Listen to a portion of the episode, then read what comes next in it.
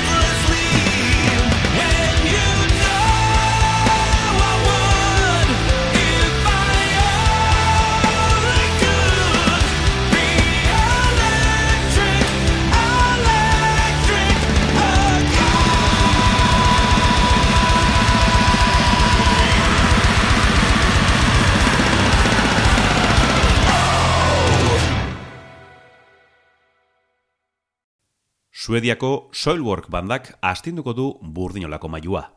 Abuztuan argitaratu zuten Overgiven Hetten estudioko amabigarren diskoa.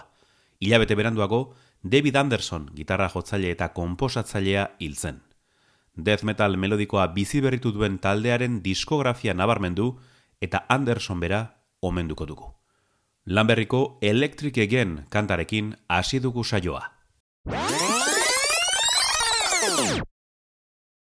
Inferior Breed izan zen taldearen jatorrizko izena. eta laro gaita amabostean sortu zuten Suediako Helsingborg irian. Groove eta death metal doinuak jorratzeko elkartu ziren. Gutxira, laro gaita amaseian, Soilwork izatera pasa ziren. Lau musikarik egonkortu zuten abia puntua. Bjorn Speed Street abeslariak, Peter Witchers gitarristak, Ludwig Spart gitarristak eta Jimmy Person bateriak. Laro gaita amazazpian, In Dreams We Fall Into the Eternal Lake maketa kaleratu zuten, eta euren zorionerako Michael Amoten eskuetara iritsi zen. Ari esker, Listenable Records diskoetxearekin sinatu eta laro gaita emezortzian, Still Bath Suicide lehen diskoa plazaratu zuten. Beste bi musikarirekin indartu zuten Melodez izaera, Carlos Delormo Holmberg teklatu jotzailearekin eta Ola Flink basuarekin. Hau duzue, Sadistic Lullaby.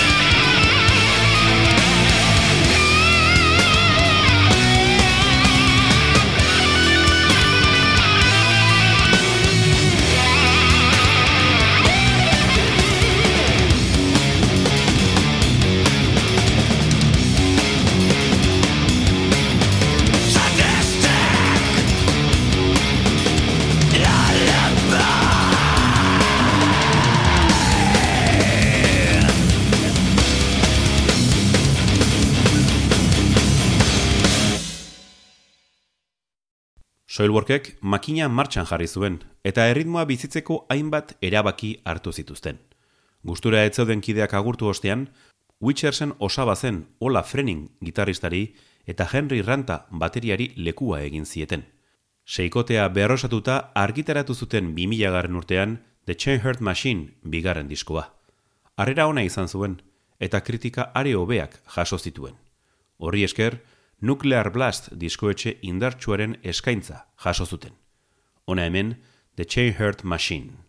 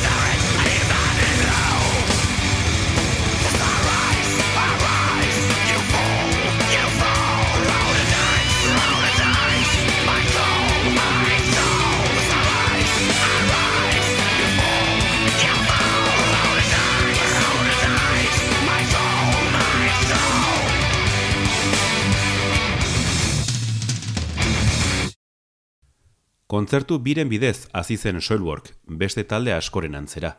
Hori baita, oihartzuna eta ospea lortzeko gakoetako bat. Zuzenekoei jarrepena emateko sortzen jarraitu zuten, death metal melodiko propioari forma ematen. Lehen mugarria, 2000 eta batean ezarri zuten A Predator's Portrait irugarren diskoarekin. Abesti honekin eta diskoetxe on baten babes zein promozioarekin zeresana ematea lortu zuten eta errepidera itzuli ziren bira amaigabeak egitera. Hau duzue, like the average stalker.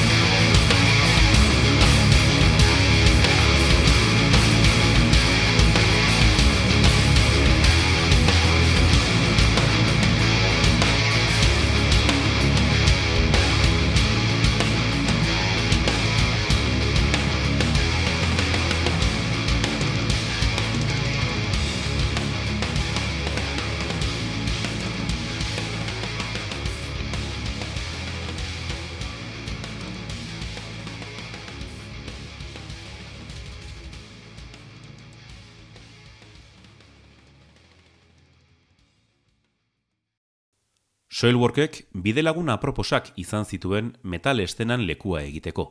Dark Tranquility, The Fleshed, Cannibal Corpse, Annihilator eta Nevermore izan ziren horietako batzuk. Estudioan berriz, gauza berriak probatzea erabaki zuten. Horretarako, Devin Townsend musikaria erabakigarria izan zen. Berak ekoiztu zuen 2000 eta biko Natural Born Chaos laugarren disko paregabea. Eta bere izan zen, suediaren soinua modernizatu zuena. Sven Carlson, teklatu jotzaile berriaren ekarpena ere aipatzekoa da, sintetizadorei bizitza propioa eman zielako. Hona hemen, As We Speak.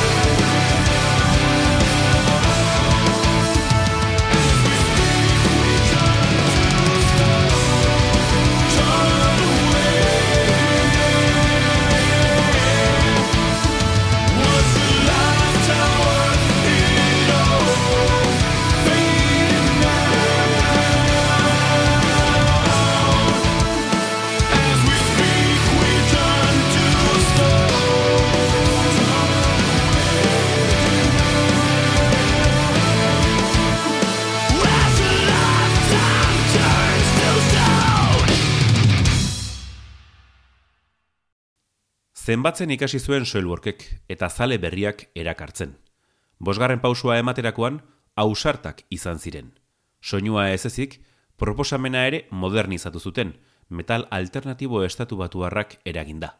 Melodez doinuak amerikanizatu zituzten, Inflames kideen antzera. Horren emaitza da, 2000 eta iruan kaleratu zuten Figure No. 5 diskoa. Hau duzue, Rejection Roll.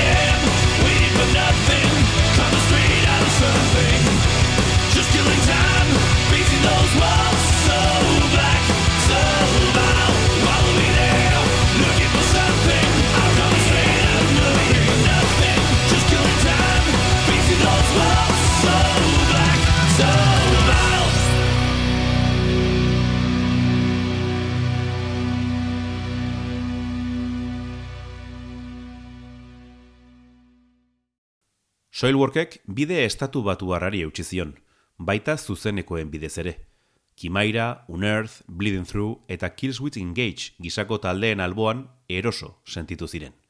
Aipaturikoen metalcore esentzia gehien islatzen duen lana da 2000 eta bosteko Stabbing the Drama maitatua eta gorrotatua. Peter Witchers gitaristaren azkena eta Dirk Berbeuren bateriaren estrainekoa da. Death metal melodikoaren bilakaera modernoa baztertu gabe, thrash eta groove doinuei lekua egin zieten urrengo lanean.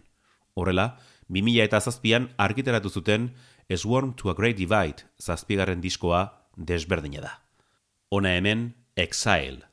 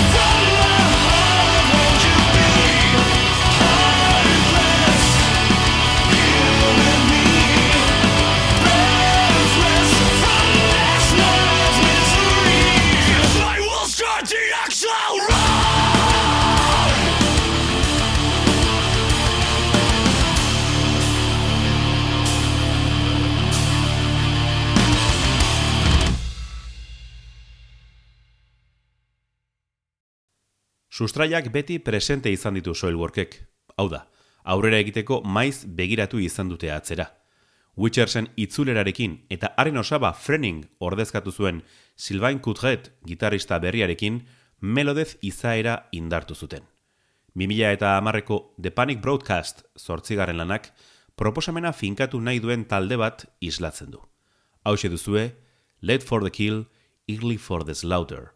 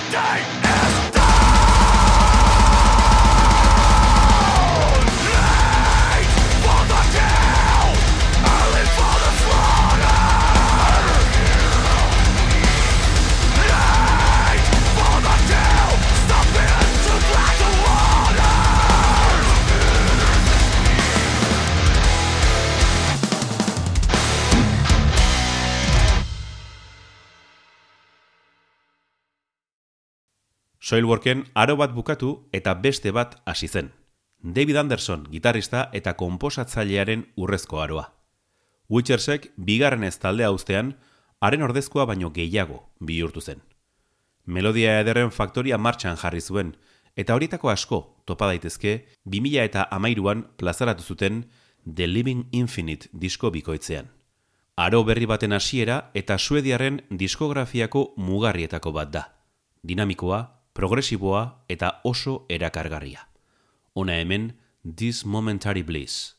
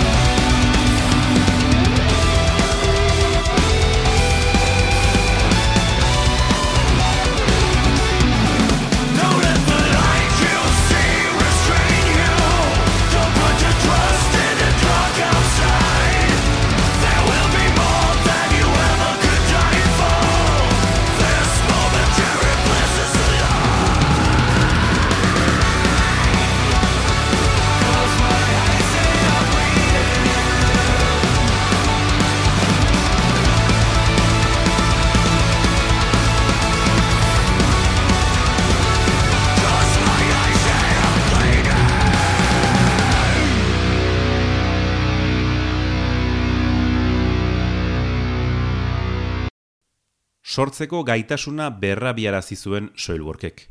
Hogei abestiko lan bikoitzetik kanpo geratu ziren beste bost kaleratzea erabaki zuten 2000 eta amalauan, Beyond the Infinite lan laburraren bidez. Denbora galdu gabe, iraupen luzeko amargarren diskoa konposatu eta 2000 eta amabostean aurkeztu zuten The Ride Majestic izenpean. Naiko oarkabean pasazela esan daiteke, baino aurreko lana bezain ona edo hobea da.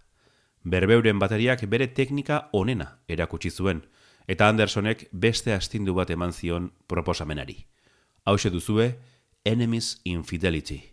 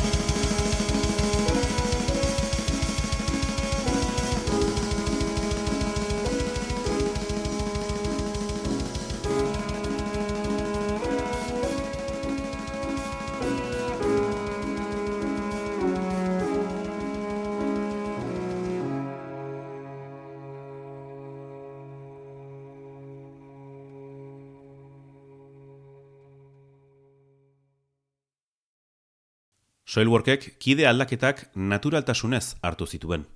The Right Majestic kaleratu aurretik, hasierako kidetako bat galdu zuen, Olaf Link basu jotzailea. Eta ondoren, berbeurenek megadezen eskaintza onartu zuen. Bastian Tusgardek bete zuen haren utxunea. Seikotearen piezak bere lekuan jarrita, suediarrek aro berriko bilakaera melodikoari jarraipena eman zioten.